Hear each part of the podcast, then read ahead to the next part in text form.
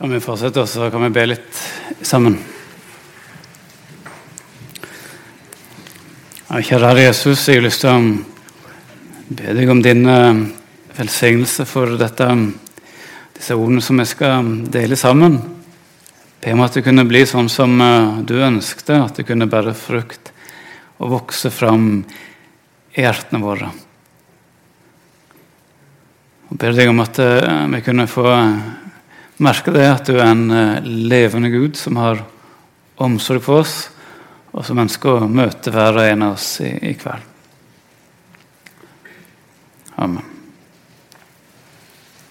Nå I denne um, andre delen så skal vi si litt om en annen type bekymringer. For I sted så talte vi litt om eh, den store bekymringen, og så talte vi om eh, livets bekymringer, dagliglivets bekymringer.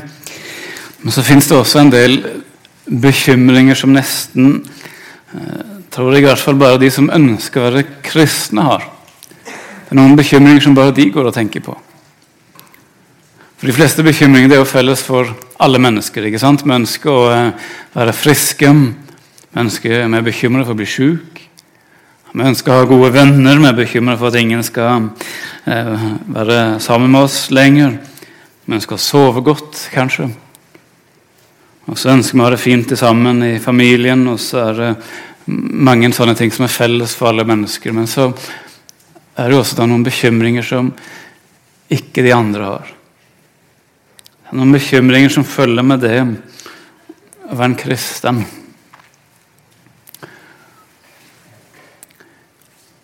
Og Aller først så har jeg lyst til å si at jeg, jeg blir litt lei meg egentlig når jeg um, tenker på det at i en del sånne kristne miljøer så er det nesten litt fromt å være bekymra for framtida spesielt.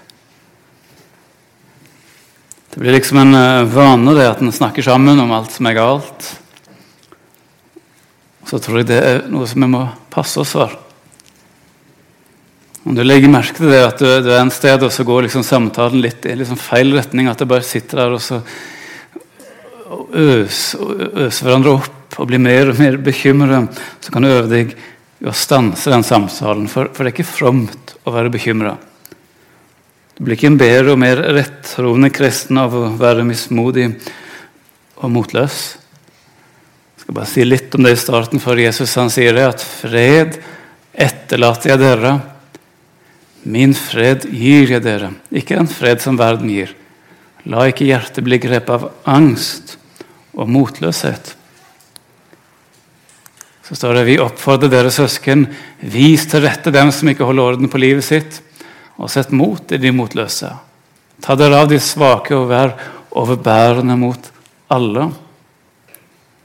Og så et bibelvers som det kanskje har hørt før, for Gud ga oss ikke en ånd som gjør motløs, vi fikk Ånden som gir kraft, kjærlighet og visdom. Og Det kan du gjerne tenke på også i, i kveld. Om du merker det, om du blir eh, motløs, mismodig, så skal du kjempe imot den tanken, akkurat sånn som du kanskje kjemper imot andre fristelser. For det er en fristelse, det, å være motløs. Men i denne delen så har jeg lyst til å si først og fremst litt om noen av de bekymringene som jeg har. Likevel. Og når det gjelder det å være en kristen. Og Kanskje du kjenner deg igjen, kanskje du ikke kjenner deg igjen i det hele tatt. Eh, men vi har lyst til å peke på noen få bekymringer. Det første er det bekymra for å falle i synd. Jeg vet ikke hvor godt du kjenner deg sjøl. Kanskje du vet hva som frister deg. Kanskje du eh, vet litt om hvilke synder som du pleier å falle i. Eller kanskje du til og med vet når på døgnet du pleier å falle i synd. Jeg må innrømme at jeg er bekymra for meg sjøl. For jeg har erfart det jeg kan ikke stole på meg sjøl. For jeg er altfor glad i synd. Og så fins det sånne fristelser som jeg har møtt opp gjennom livet, og som jeg møter igjen og igjen. Og så har jeg sagt til meg sjøl nå skal jeg ikke falle for det igjen. Og så skjer det likevel. Noen ganger så greier jeg kanskje en uke, andre ganger så går det bare noen timer. Og så blir jeg frista til en eller annen synd som jeg har blitt fristet til før. Og så faller jeg igjen, og så er jeg bekymra. Hva kan jeg være i stand til å gjøre? Jeg tror ikke jeg er bedre enn noe annet menneske på denne kloden. Hvilke synder kan jeg komme til å falle i? Så tenkte jeg på det I Bibelen så leser vi om den mektige kongen David. Han var konge i Israel, og han ønska å leve rett med Gud. Men så står det det en natt. Så fikk han ikke sove. Det var egentlig så enkelt som det. Og så sto han opp ifra senga si. Og så gikk han ut på taket, og så så han ut over byen. Og så vet du kanskje det at um, Borte på et annet tak antageligvis, så, så han ei dame som, som bada, ei som heter Batseba. Og som var veldig vakker å se på. Kanskje var det David så etter, tenkte jeg når jeg leste det. Kanskje han sto opp av senga fordi han visste at nå er det kanskje noen som er ute og bader. Men det kan også ha vært helt tilfeldig at han fikk øye på Batseba. Fall så ble fristelsen for stor for David og selv for den mektige kongen som ønska å leve etter Guds vilje med livet sitt. Så henta han Batseba inn til sitt soverom, og så lå han med henne. Og så var det et øyeblikk som forandra livet til David. Og Så prøvde han etterpå å skjule det han hadde gjort, men så førte det bare til enda flere og verre synder.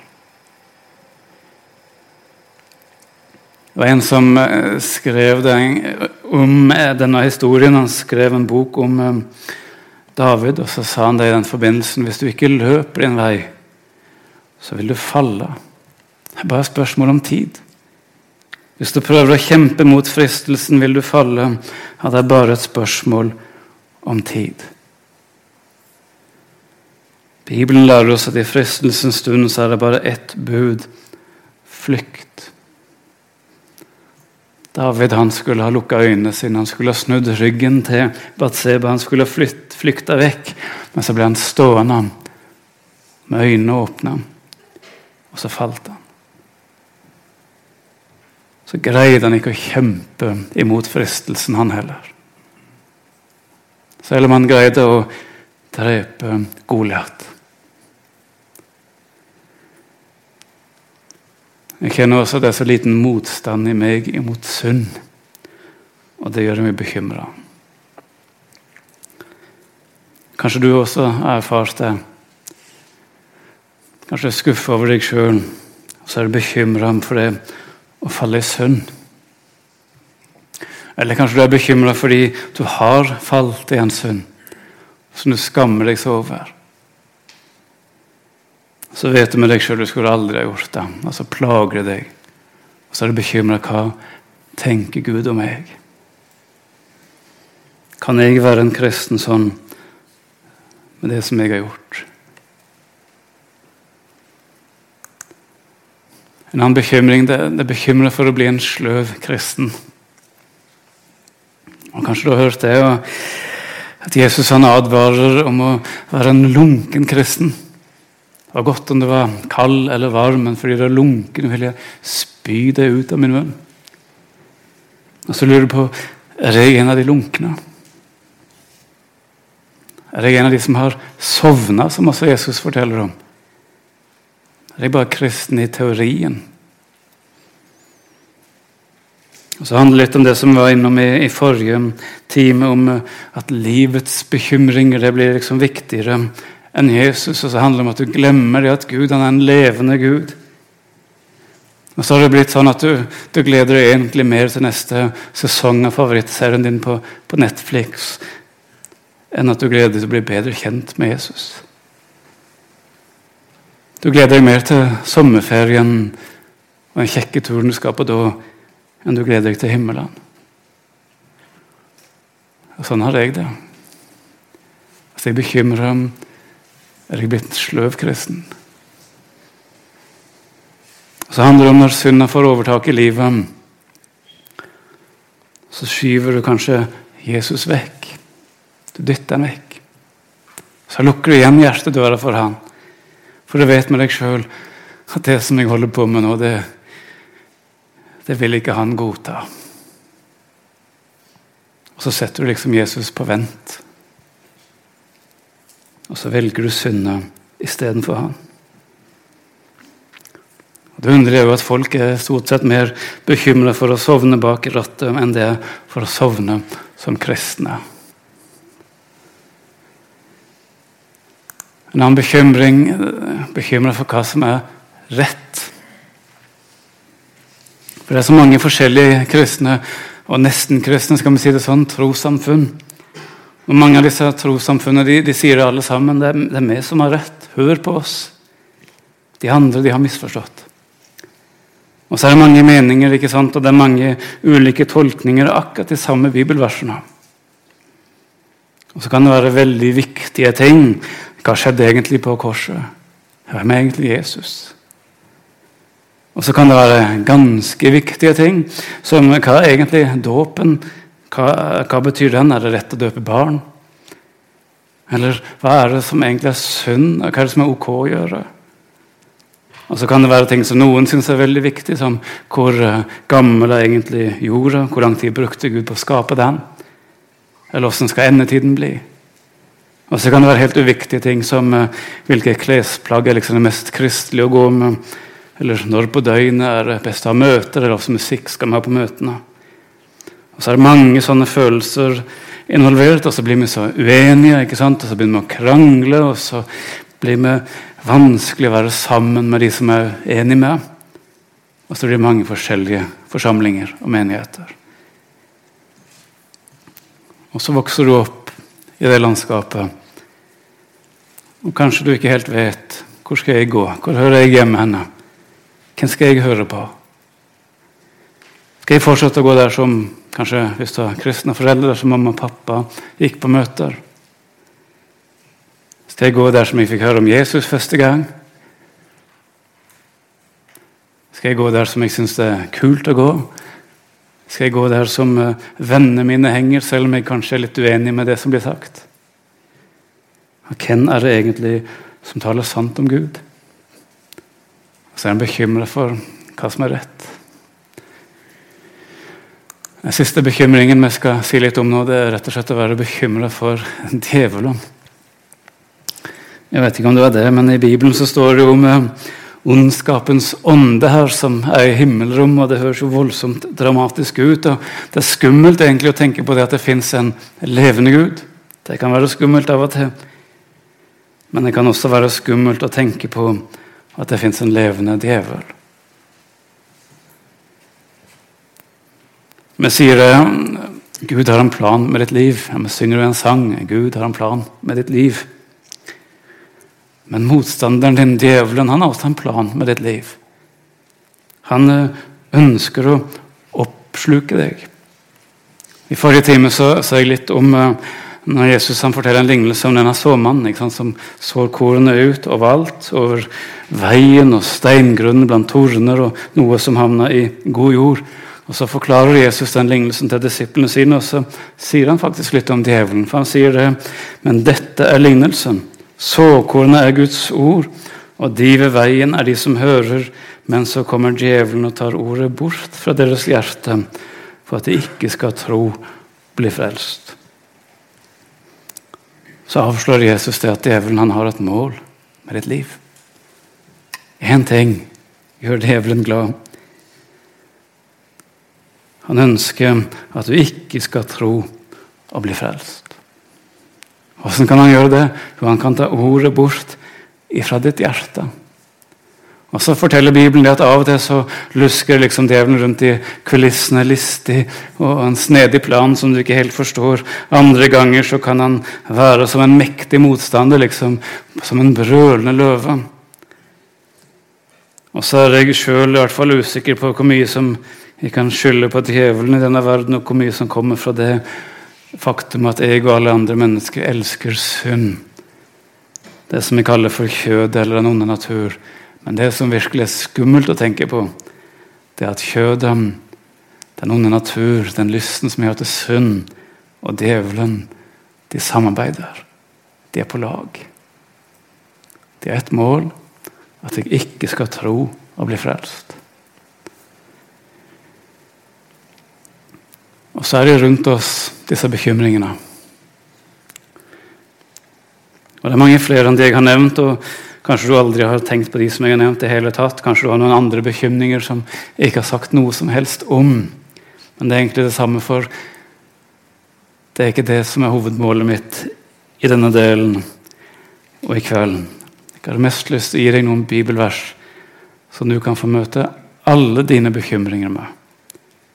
Så skal vi lese fra Salme 23. En salme av David. Herren er min hyrde. Jeg mangler ikke noe.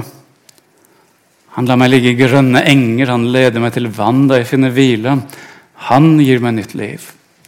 Han fører meg på rettferdighetsstier for sitt navns skyld. Om jeg igjen skulle vandre dødsskyggens dal, frykter jeg ikke noe ondt, for du er med meg. Din kjepp og din stav, de trøster meg, du dekker bord for meg like foran mine fiender. Du salver mitt hode med olje, mitt beger renner over. Bare godhet og miskunn skal følge meg alle mine dager, og jeg skal bo i Herrens hus gjennom alle tider. Og så står det du dekker bord for meg like foran mine fiender. Så tenkte jeg på det i dag. Tenk om du kunne tenke på alle disse bekymringene som du sliter med. Så kan du kalle dem for dine fiender. Og Så kan du lese bibelverset som om det står slik Du dekker bord for meg like foran mine bekymringer. For hovedpoenget i kveld er ikke at du har mange bekymringer. og Du får ha god grunn til det på en måte. Men poenget er at du har også en levende Gud, en Herre, som dekker bord for deg, like foran dine bekymringer. Det sto sånn Du dekker bord for meg like foran mine fiender. Du salver mitt hode med olje. Mitt beger renner over. Bare godhet og miskunn skal følge meg alle mine dager. Og Det er slett ikke alltid det føles sånn. En plass så var jeg på møteuke, og så bodde jeg hjemme hos uh, noen. Og Der jeg bodde, så hadde de tre hunder. Og de var ikke akkurat rolige, skal jeg si deg. De hadde en tendens til å bjeffe og gneldre på alt det de så, og særlig på predikanter, følte jeg i hvert fall. De likte det ikke. Det var litt skummelt å og gå tur der. Men så av og til så var det de jeg bodde hos, de åpna vinduet, og så gaulte de ut disse hundene at nå må det tie stille. Og så roa de seg litt. Grann. Men så var det liksom bare fem minutter, og så var det på'n igjen. Bare bråk. Kanskje det er sånn med dine bekymringer også. Tanker som glefser etter deg. De bråker, liksom. De, de roper til deg. De sier at du, du er ikke verdig til å være en kristen, du. Gud kan umulig være glad i deg. Djevelen anklager deg, og fristelsen som du møter, de drar deg liksom ned i, søla, og så blir du forført igjen og igjen, og så er fallene dine også ganske stygge av og til tenker du med deg sjøl hvis noen visste altså, altså, Ingen som har tenkt at jeg var en kristen. Og Så løper tankene løpsk om ut, og så greier du ikke å styre de, og så mister du kontrollen. Og så er det som disse hunder som ikke kan være rolige. Kanskje det går bra en stund, så er det på'n igjen. Og jeg har lyst til å si det Hvis du har det sånn at disse bekymringene av og til kan føles som en myr liksom, som du synker ned i det blir mørkere og mørkere rundt deg. Du føler du holder på å miste kontrollen over alle disse bekymringene. Og Så tenker du kanskje med deg sjøl ja, men jeg får håpe på en lykkelig slutt. i hvert fall. Men hør, jeg har lyst til å lese noen bibelvers til deg i kveld. Men Gud er rik på barmhjertighet. Fordi han elsket oss med så stor en kjærlighet, gjorde han oss levende med Kristus, vi som var døde av våre misgjerninger. Av nåde er dere frelst. I Kristus Jesus har han reist oss opp fra døden sammen med ham og satt oss i himmelen med ham. Og slik vil han i de kommende tider vise hvor overstrømmende rik han er på nåde, og hvor god han er mot oss i Kristus Jesus. For av nåde er dere frelst ved tro. Det er ikke deres eget verk, men Guds gave. Det hviler ikke på gjerninger for at ingen skal skryte av seg selv, for vi er Hans verk. Skapt i Kristus Jesus til gode gjerninger, som Gud på forhånd har lagt ferdig for at vi skulle vandre i dem. Og når jeg leser de versene, så tenker jeg det Herren han har dekka bordet for deg. Jeg vet ikke om du har det sånn hjemme hvis du, eh, hvis du bor hjemme hos mor og far. i hvert fall, så er det sånn liksom Du kan bare møte opp til middagsbordet, og så står alt der klart. og Alt du trenger å gjøre, det er liksom bare å åpne munnen og stappe maten inn. Og Sånn er det litt når Herren dekker bordet for deg òg. Alt er klart. Og så står det der for deg like foran alle dine fiender. Alt det du sliter med, alle dine bekymringer. Og så har du helt sikkert god grunn til å kjenne på motløsheten av og til og mismodigheten. Men så har du også en god grunn til å slåss. For um, det sto her Slik ville han i de kommende tider vise hvor overstrømmende rik han er på nåde, og hvor god han er mot oss i Kristus Jesus. Og Kanskje vi skulle våge å si det til hverandre i, i kveld. At i de kommende dagene, i den uka som ligger foran, så har han lovt Han vil vise deg hvor overstrømmende rik han er på nåde. Og hvor god han er mot deg i Kristus Jesus. Så står bordet der, og så kan du få spise. Kan du få spise med god samvittighet, tenke på det. La det synke inn at du er elsket med en så stor kjærlighet. At han gjorde oss levende med Kristus, vi som var døde pga. våre misgjerninger. La det synke inn av nåde er jeg frelst. Når du sitter der med bordet, så kan du begynne å tenke gjennom hvordan kan jeg ta opp kampen mot noen av mine bekymringer. Og Så kan du tenke gjennom hvordan kan jeg unngå å sette meg sjøl i sånne situasjoner der jeg vet at jeg kommer til å falle i søvn. Det kan godt være det at han kong David for eksempel, burde visst at det, det var ikke lurt å ta en tur på taket på nattestid. Men kanskje du også vet om noen steder hvor du vet det er ikke lurt at du går. Så kan du tenke gjennom hvordan kan jeg prioritere annerledes for å unngå at jeg sovner og blir en sløv kristen. Så kan du tenke gjennom det som forkynnes i møtene der jeg går. Stemmer det med det som står i Bibelen? Så kan du tenke gjennom kanskje noe av det som jeg møtte i dag Det var iscenesatt av djevelen fordi han ville at jeg ikke skulle tro og bli frelst. For bekymringene som du har, de kan bli til hjelp for deg. For hvordan du skal, hva du skal gjøre, hvilke veier du skal gå, og hvilke veier du ikke skal gå. Men først og fremst så skal du spise deg mett igjen evangeliet med god samvittighet. Leve i et åpent forhold med Gud. Så kan du få være ærlig med Han om alle de bekymringer som skulle dukke opp. For eh, det står fortsatt i Bibelen Kast all deres bekymring på Han, for Han har omsorg for dere. Skal vi be sammen igjen? Og kjære Jesus, vi har lyst til å takke deg for at vi kan få kaste alle våre bekymringer på deg. Og Så ser du også de kristne bekymringene, om vi skal kalle dem det. Vi er redde for å falle i synd. Jeg er redd hva du tenker når vi har falt i synd. Om jeg er redd for å bli sløve og lunkne, jeg er redd for djevelen, om jeg er redd for å gå feil. Og så kan vi likevel, selv om vi føler oss redde og bekymret, så kan vi få komme fram til deg og spise av det bordet som du har satt foran oss. Du har dekket opp masse god mat. Vi kan få spise av evangeliet der du tilgir all vår synd. Og så er det der vi finner eh, kraften også til å kjempe videre imot bekymringene våre.